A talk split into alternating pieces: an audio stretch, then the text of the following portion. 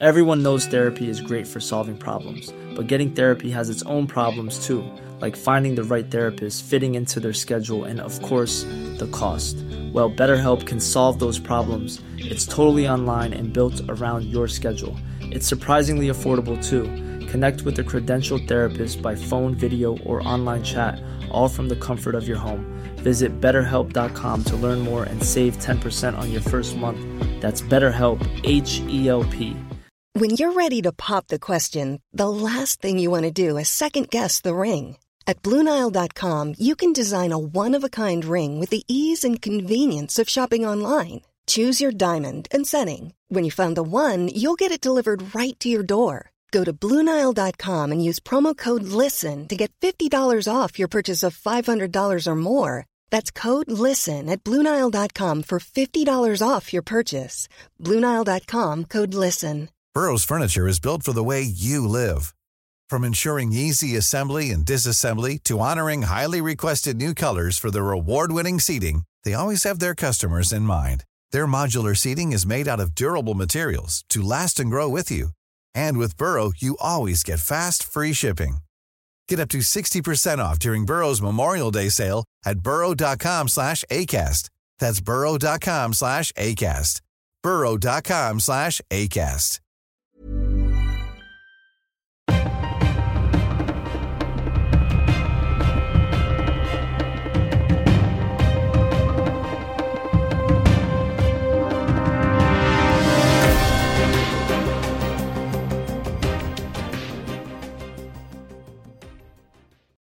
Så, då säger vi än en gång hej och mycket varmt välkomna till ett nytt avsnitt av dagens Juridikpodden. Idag med kanonljud som vi brukar ha normalt sett, men kanske inte alltid under sommaren.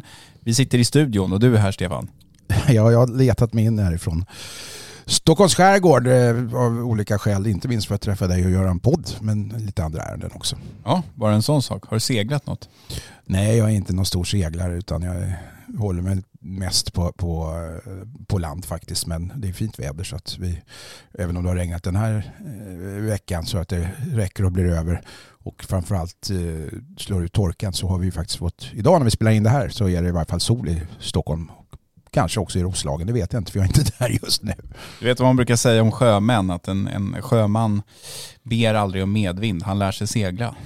Exakt, och då vet man ju vad man inte ska göra i bidevind. Och så är jag faktiskt gammal sjöscout så så mycket kan jag om, om slör och sådär. Så att jag har seglat en del i mitt liv. Men jag är inte så intresserad nu, jag är lite, lite för, för gammal för det. Det finns ju något sådant här latinskt eh, uttryck som är, är något så här öppet hav, kan du det? Mare Nostrum eller är det inte något sånt? Jag kan inte. inte Men det låter heller. typ så i alla fall. Ja, det låter fint. Ja, ja. Vi släpper eh, sommarnöjena, sommarsporterna och eh, går över på veckans mest diskuterade ämne och det har väl varit det sedan några månader och kanske flera år tillbaka, nämligen de så kallade koranbränningarna. Eh, En ny sådan skedde ju här under förra veckan i Stockholm utanför en mosk moské på Södermalm och det rörde upp känslor det var väl inget eh, påskupplopp i närheten av något sånt upplopp där, men det var ändå upprörda känslor och nu står det klart att FNs människorättsråd ska ha någon form av möte eller träffas och diskutera koranbränningar. Det har eh, liksom blossat upp en rejäl debatt på både tidningar och tv och radio och allt möjligt där eh, ena sidan försvarar den svenska yttrandefriheten och säger att så här måste det få vara medan andra tycker att vi kan inte hålla på så här, det, det äventyrar vår NATO-ansökan. Jag tror att UD har väl sagt att det är problematiskt eller någonting sådär, att det är möjligt att, att ägna sig åt koranbränningar i Sverige. Vad ska man säga Stefan? Det har verkligen blivit liksom en stenhård yttrandefrihetsdebatt. Ja, det har faktiskt blivit två juridiska debatter utav det här och ibland så kanske det är svårt att skilja på de här två. Men den ena är ju som du säger konstitutionell och rör då yttrandefrihets grundläggande principer i, i, i, i svensk lagstiftning, inte minst när det gäller de rättigheter som finns i regeringsformens andra kapitel, nämligen mötes och demonstrationsfriheten och liknande. Va? Och det här har ju satts i relation till då den praktiska, det praktiska genomförandet av de här manifestationerna, nämligen då eh, ordningslagen och, och den typ av tillstånd som krävs för att få genomföra allmänna sammankomster och demonstrationer och sådär i Sverige. Och Här har det då den senaste veckan diskuterats huruvida det skulle räcka med en ändring i ordningslagen eller, eller eh, om det kräver en grundlagsändring. Och, alltså svaret, och det har debatterats friskt av riktiga, riktiga eh, kunskapsnestorer inom de här områdena och även kammarrättslagmannen från, från eh, kammarrätten i Stockholm var ute och, och pratade om varför det då ansågs inte kunna avslås utifrån ordningslagens bestämmelser. Och, så. och det är rätt intressant tycker jag därför att, att tryck och yttrandefriheten i Sverige har sina begränsningar och ska ha sina begränsningar. Det framgår av redan av grundlagen att det får meddelas med tydligt stöd i lag. Och eh, det eh, har vi ju redan när det gäller eh, uppsjö av olika inskränkningar av människors yttrande och tryckfrihet. Allt från förtal och ärekränkning till hets mot folkgrupp och, och uppvigling och ett stort antal andra saker som man faktiskt inte får ägna sig åt. För den delen även den upphovsrättsliga lagstiftningen innebär ju i någon mening en inskränkning utav, utav tryck och yttrandefriheten. Men när det gäller ordningslagens bestämmelser här då så konstaterar ju kammarrätten att den undantagsbestämmelse där man kan neka tillstånd den tar inte sikte på att det till exempel ökar ett externt terrorhot mot Sverige till följd av en viss form av demonstration utan den tar direkt syfte eller sikte på ska jag säga på alltså ordningsstörningar i samband med själva demonstrationen och dess genomförande. Och det här är rätt intressant tycker jag därför att Vän av ordning gör givetvis jämförelsen. Om man anser att en ordningsstörning på platsen skulle kunna bli av så allvarlig karaktär att man faktiskt kan eh, neka eh, eller förflytta en demonstration så kommer då nästa fråga. Eh, skulle inte ett konkret yttre hot, till exempel ett terrorhot, då i motsvarande grad kunna utgöra en sådan fara att det är berättigat att inskränka då en konstitutionell rättighet. Där har det liksom den konstitutionella frågan tycker jag. Sen är det ju så att ordningslagen tar ju bara sikte just på den här typen av allmänna eh, sammankomster och, och, och, och, möten men inte på om man till exempel skulle genomföra en koranbränning eh, på nätet eller någonting i den stilen. Då, då blir det ren yttrandefrihets eh, en ren yttrandefrihetsfråga naturligtvis i slutändan. Det här har lite grann tycker jag blandats ihop i den här debatten och, och ja, bara för att redogöra för som läget är nu så är det där vi egentligen står. Dessutom är det ju så i det här sammanhanget att det har diskuterats huruvida regeringsföreträdare, alltså ministrar, som i det här fallet utrikesministern, om det är lämpligt att Sveriges regering går ut och, och, och, och fördömer innehållet i en demonstration som människor för fram inom ramen för sin demonstrations och yttrandefrihet. Och, och det kan man ju diskutera. Jag tror att det sker rätt ofta utan att vi reflekterar över det. Jag tror att, att ministrar har åsikter om sånt som sägs i eh, demonstrationer på första maj och andra politiska manifestationer som sker på öppen plats och för den delen framställs i tidningar i form av eh, artiklar i Dagens Nyheter och Svenska Dagbladet och andra tidningars debattsidor. Där är det klart att ministrar ibland har åsikter kring det som framförs där inom ramen för den tryck och yttrandefrihet vi har. Så att egentligen så tror jag inte att det, det här är så märkvärdigt i sig. Sen är det frågan då hur, hur stor del av det här är en, en, en ren provokation i syfte att sabotera Sveriges försök nu då inom en knapp vecka att i Vilnius komma med i NATO. Det vet ju alla, det vet ju även Erdogan nere i Turkiet att det här är rena rama demonstrationer och provokationer för att kunna maximera nyttan och uppmärksamheten ur ett subjektivt perspektiv i ett sammanhang som är utomordentligt känsligt internationellt där till och med USAs president är inblandad. Så att det där blir ju väldigt, väldigt intressant tycker jag. Men, men det är ju en intressant fråga att ställa sig huruvida man eh, en Tobias Billström person eller en Ulf Kristersson person eller utrikesdepartementet som sådant skulle ha agerat som man gör idag om det inte låg en NATO-ansökan på bordet. För att den här Jonas Trolle till exempel som är chef för Centrum, eller vad det nu heter, Center mot våldsbejakande extremism ja. och så och är kritisk till att de här sammankomsterna får, får arrangeras och vill se en ändring i ordningslagen precis som du beskrev. Det är väl egentligen inte så konstigt, det kanske ligger inom ramen för, för hans arbetsuppgifter. Han är polis i botten, vill bara säga det dessutom. Ja, ja, dessutom det. Och en utmärkt person ska jag ja, lägga till för säkert, att balansera det. Säkert, men jag menar att en utrikesminister eller ett utrikesdepartement på det här sättet ändå går ut och fördömer allmänna sammankomster och personer som arrangerar sådana. Det, det är ju tveksamt tycker jag och jag tror kanske inte att det hade sett ut så att de hade ens tänkt på det om det inte låg en NATO-ansökan på bordet och det kan ju vara problematiskt i sig. Ja, det är klart att det finns principiella överväganden att göra ett sånt här sammanhang eh, som jag tror inte det är någon idag som skulle från regeringskansliets sida ens försöka hävda att den här typen av kraftfulla uttalanden från regeringens sida skulle komma om det inte vore för att vi har en, en, en, en för Sverige avgörande period framför oss på en knapp vecka fram till Vilnius för, för att kunna få ett NATO-medlemskap. Och om det händelsevis skulle vara så att någon i regeringskansliet eller i, i självaste regeringen hävdar motsatsen, nämligen att nej, det här skulle vi ha tagit så stark ställning emot i vilket situation som helst, så är det ändå ingen som skulle tro dem. Så det, det, det, tror jag är, är så, så, är det naturligtvis. Att, att, sen kan man diskutera jag tycker det är intressant att en, en en eh, professor här i konstitutionell rätt vid Uppsala universitet, Mikael Rotzi heter han va? Han uttalade sig i tv, Rapport, igår häromdagen och pratade om att det, det endast är ett fåtal övriga NATO-länder som redan är med i NATO som har ett förbud emot eh, då Brännande av religiösa ja, brännande skrifter. Av religiösa skrifter. Bland annat Finland ska jag säga. Enligt honom i varje fall.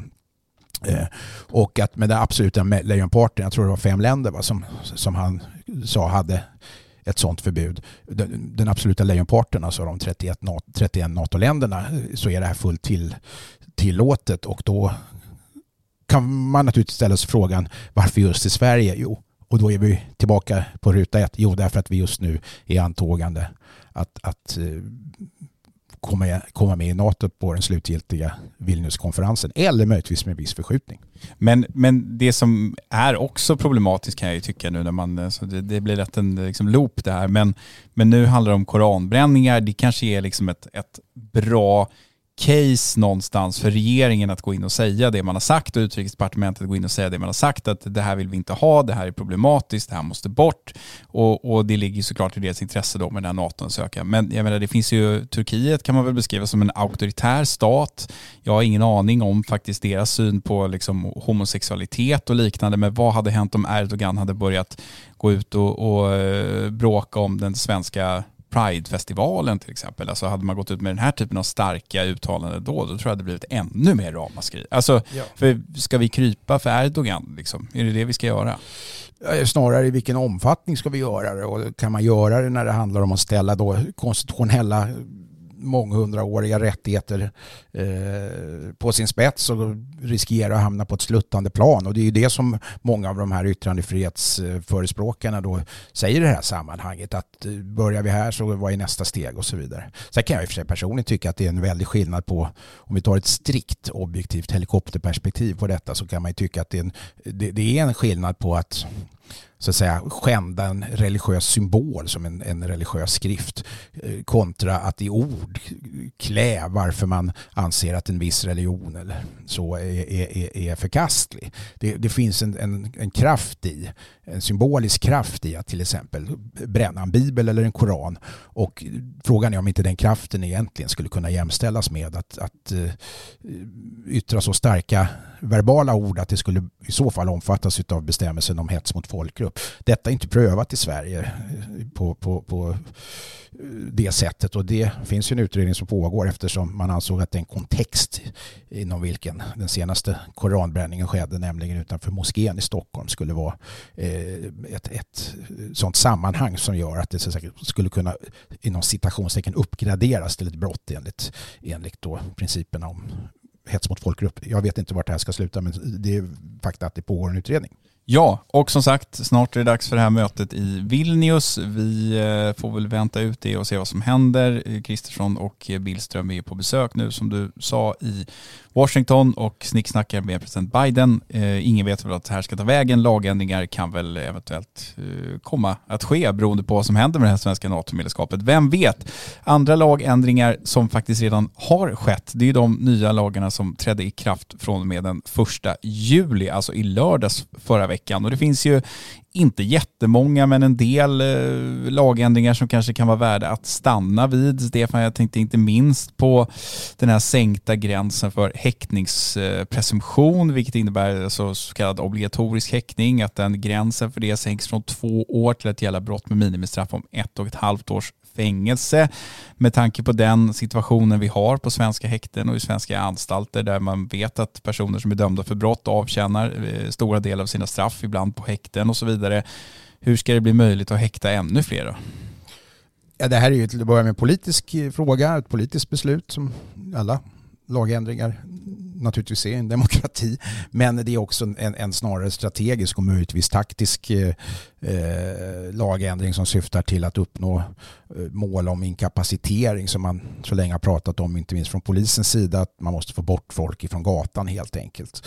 Eh, och eh, den mer operativa delen av det här, utöver de här mer strategiska och taktiska områdena, den kommer hamna i knät på kriminalvården och de häktes, eh, eh häktesplatser som vi redan idag har så hårt eh, ansatta utav, utav många häktade. Så frågan är hur det här rent praktiskt ska kunna genomföras. Kommer det sluta med, som vi har sett den senaste tiden, viss kritik mot att häktade personer får ägna sig åt att sitta inlåsta i en polisarrest i brist på riktiga häkteceller och sådär. Och det där är inte bra med tanke på att Sverige gång på gång utan både FN och Europarådet och för den delen den svenska justitieombudsmannen har fått exceptionellt stark kritik för att vi inte lever upp till mänskliga rättigheter när det gäller kriminalvårdens då förvaring eller möjlighet att, att frihetsberöva människor.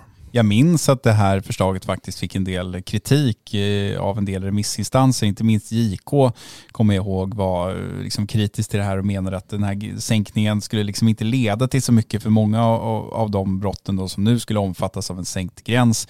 För de häktas man redan idag och då inte minst om det rör brott som, som man misstänker har begåtts inom ramen för kriminella nätverk eller om det är så flera misstänkta och så. Jag kommer ihåg också att JK konstaterade i remissvaret att den här tvåårsgränsen som vi väl har haft ganska länge länge om inte jag minns fel är liksom proportionerlig, väl avvägd och att JK ansåg att det saknades anledning till en ändring. Men nu, nu är ändringen på plats så att JK kan inte göra så mycket åt den saken hur mycket hon än vill. Frågan är bara vad man ska göra därför att om domstolarna följer lagen här och har en obligatorisk häktning som omfattar då betydligt många fler brott än tidigare så kommer, annars är det något fel på lagen eller på domstolarna, så kommer antalet häktade personer att öka.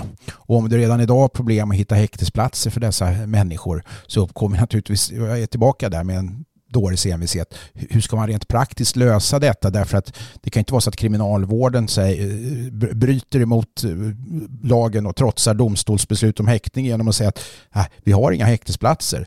Eh, man kan inte heller bryta mot lagen genom att säga att vi har inga lagliga häktesplatser, vi får, vi får låsa in dem i städskrubb. Hur ska man lösa detta utan att begå brott inom den statliga myndigheten kriminalvården? Det, det är intressant tycker jag. Ja, det är en bra fråga som vi inte kommer få något svar på än, även om det kanske kommer snart eftersom jag menar häktningar sker hela tiden så eh, det är ingenting man behöver vänta i hundra år på.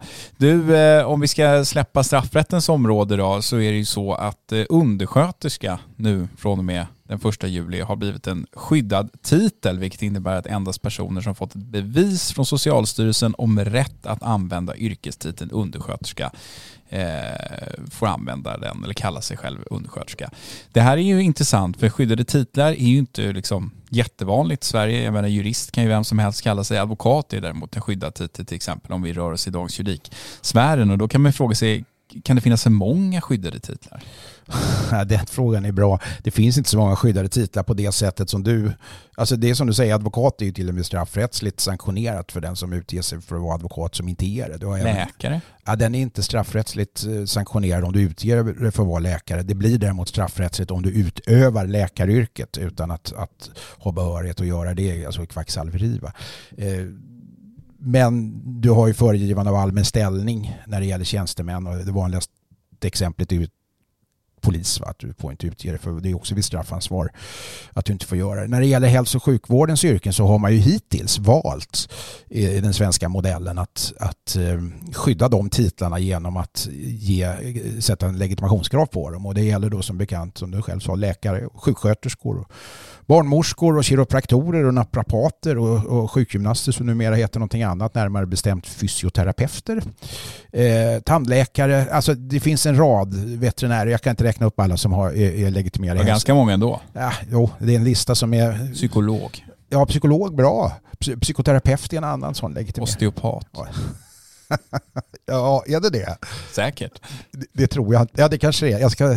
Kinesolog. Nej, det tror jag inte. Men nu sitter vi här och kastar ur oss dumheter. Det finns ett antal sådana här yrken som är skyddade genom, genom att det finns ett legitimationskrav för att få utöva dem helt enkelt. Och där har man inte landat när det gäller undersköterska utan där har man helt enkelt sagt att nej, därför att eh, till viss del är det ju så att en legitimation för ett hälso och sjukvårdsyrke innebär inte bara ska vi kalla det för rättigheter utan också skyldigheter och tvärtom. Det vill säga du ska kunna i disciplinärt ärende dra in en legitimation vilket innebär att du som då till exempel läkare, legitimerad läkare har en skyldighet att tillämpa de här bestämmelserna i hälso och sjukvårdslagen och allmänna principer kring att den medicinska kliniska vården får utövas under, under former som endast går att förankra i, i vetenskap och beprövad erfarenhet och så vidare. Va? Ja, det är väl bra. Och då. det här gäller även delegation, det vill säga du kan delegera till en, en, en, en som man kallar för citat, lägre grad.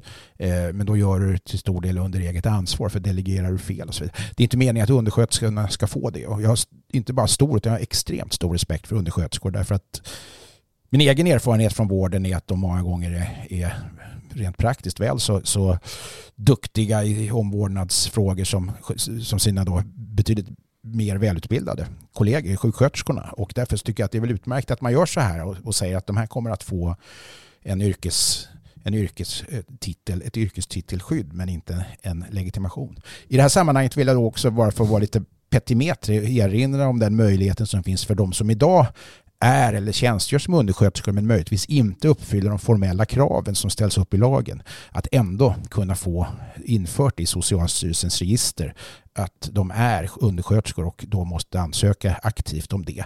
Annars så kommer de gå miste om sin möjlighet att få fortsätta verka som undersköterskor.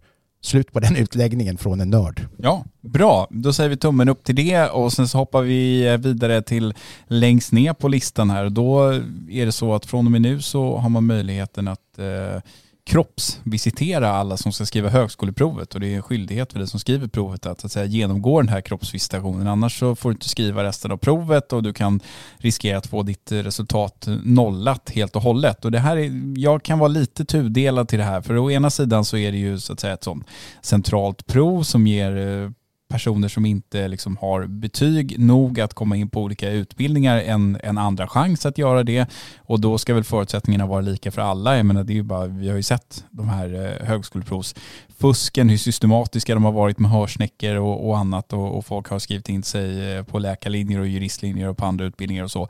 Men det får inte gå inflation i möjligheten till kroppsvisitation heller kan jag tycka. Att det blir lite väl, liksom väl använt den här möjligheten till att kroppsvisitera folk. Det är ju ganska integritetskränkande då. Eller vad säger du?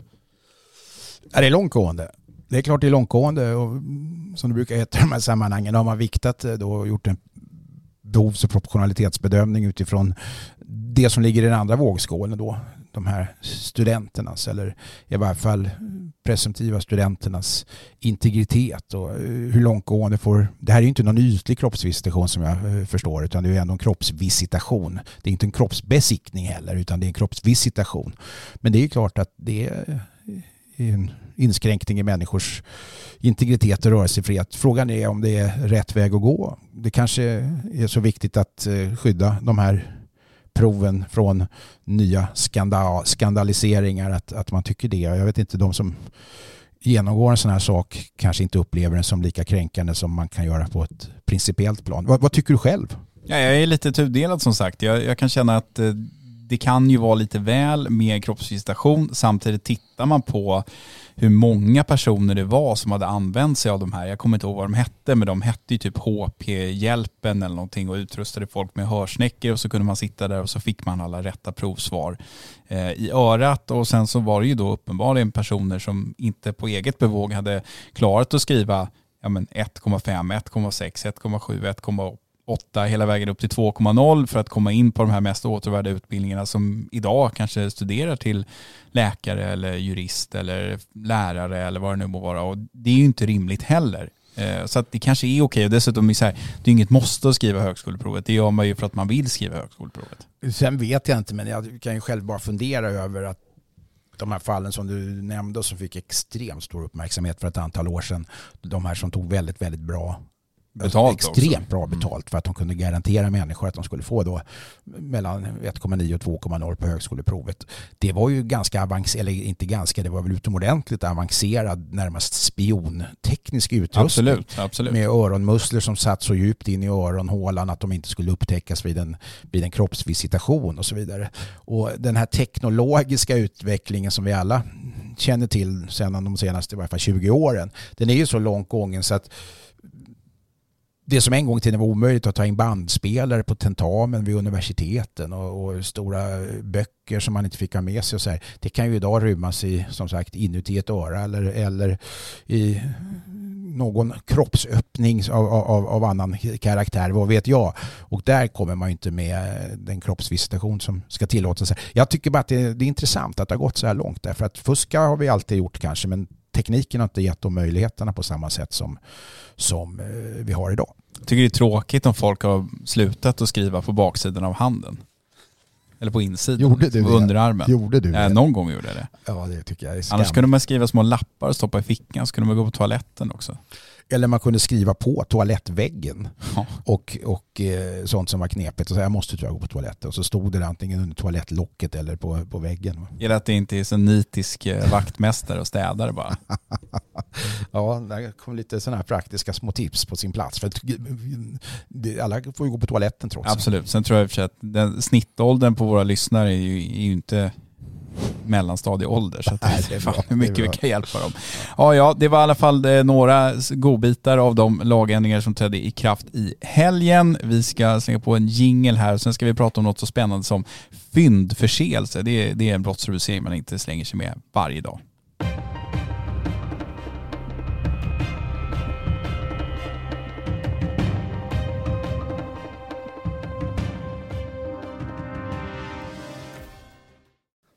Ja, för att eh, i veckan som har gått, Stefan, så har jag skrivit en artikel om en taxichaufför som döms för det här ganska ovanliga brottet fyndförseelse. En eh, kund hade tappat eller glömt sin eh, mobiltelefon i baksätet på hans taxibil under en blöt eh, festkväll. Kom på det ganska omgående, påstår att han fick en vän att komma i kontakt med eh, taxichauffören som då sa att jo men det går bra att hämta den här bortglömda telefonen på något kontor här på söndag morgonen eller söndag förmiddagen. Ska jag lämna in den där? Taxichauffören hävdar att nej, han har inte haft någon kontakt med den här eh, kundens kompis utan det var hans dotter som hittade den här mobiltelefonen i baksätet på hans privata bil som han då även använde som taxibil dagen efter. Och sen så tog han hem den, visste inte riktigt vad han skulle göra med den och sen glömde han bort det här. Men sen så hörde polisen av sig efter någon månad och skulle förhöra honom om eh, ett eventuellt fyndförseelsebrott och då lämnade han tillbaka den här mobiltelefonen. Det här är ju en situation som man kan tänka sig uppstå ganska ofta, inte minst för typ taxichaufförer eller andra personer som skjutsar folk eller ställen där människor överlag lätt kan glömma saker. Men då kan man alltså göra sig skyldig till brott om man så att säga inte ringer till polisen och säger att hej nu har jag hittat en mobiltelefon här, eh, jag vet inte vems det är men jag vill inte ha den.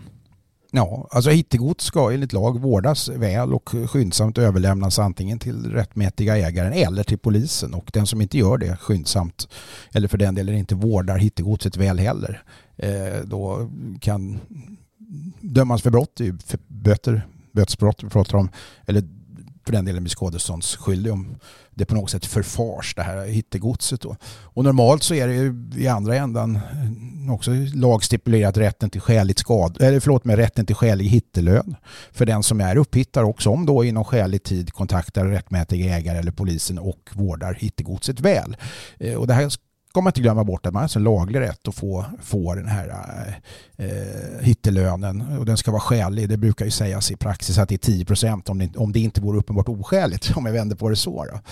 Eh, men det är kanske inte många som tänker på. När det gäller djur, det finns ett uttryckligt undantag i lagen om hittegods vet jag när det gäller hundar.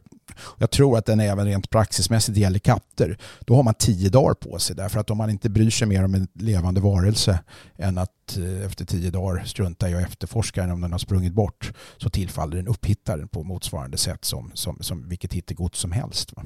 Eh, sen finns det särskilda bestämmelser om så kallade hemdjur men det kanske vi inte ska gå in på här. Ett hemdjur är till exempel en ko eller en annan boskap som rymmer och sådär upphittas på, på annans mark. Men, Men ja. du menar att om jag skulle köra taxi så skulle jag skjutsa eh, SAS vd som skulle glömma ett jätte, jätteviktigt avtal där bak i taxibilen så skulle inte jag kunna kräva 10% av värdet på det avtalet som han skulle skriva då. Nej, inte ett avtal tror jag inte dessutom. Det har ju inget materiellt värde. Men Det beror ju på, han kanske ska sälja företaget i kanske- Norge. Han kanske hade en Rolex-klocka som var värd en miljon. Ja. Och är det inte skäligt om 10% menar du? Det sa jag inte. Jag sa att, jag sa att om det inte är uppenbart oskäligt. Det kan jag inte bedöma, men din fråga är väldigt relevant. Jag minns själv en gång när jag var en liten grabb eh, och eh, hade Vad var tiden när det fanns riksdaler fortfarande? ja, sådär kopparmynt som man fick köra fram Bryta isär. Ja, som man fick köra fram på skottkärr. Ja, då hittade jag en, och en kompis, vi hittade en plånbok på en gata ute i Bromma. Och eh, utanför Salkallen, där har du varit, du som är, Oh ja. du som är gammal tennisproffs. Eh, och i den så låg ett körkort och några andra identitetsuppgifter men i övrigt var den tömd. Och vi kontaktade ju den här då farbrorn, han var väl inte farbror utan han var väl ganska ung men vi var ju barn. Va? Och han eh, Eh, vi lyckades få tag på honom via telefonkatalogen. Han hade något namn så vi kunde, och ringde och sa vi har hittat din plånbok. Och han var inte alls särskilt trevlig när han kom för att hämta den här plånboken. Utan han indirekt undrade hur vi hade kommit över den. Och var det inte i själva verket så att vi hade varit inne i Salkhallen själv. För det var där han hade blivit bestulen på den i, inne i, i omklädningsrummet berättade han. Och eh, det, vi fick ha en ganska rejäl diskussion, vilket jag inte tycker man ska behöva kring att få någon form av hittelön för det här trots allt, vilket vi faktiskt fick sen. Men den var ju tömd på kontanter och det, den som hade stulit den hade uppenbarligen tömt det på kontanter och, men inte velat ha då vad det nu fanns på den tiden, körkort och kanske något kreditkort eller så.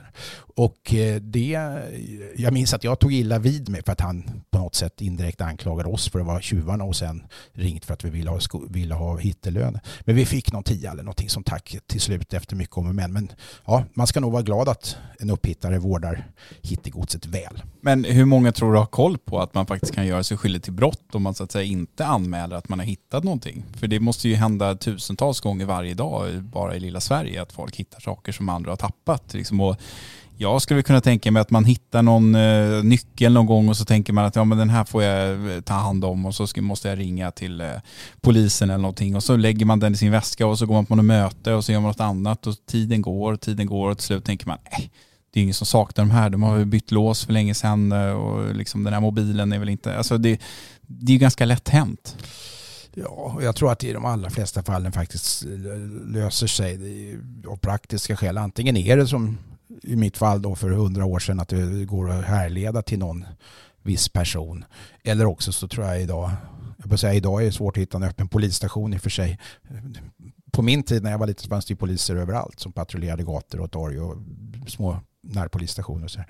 Men eh,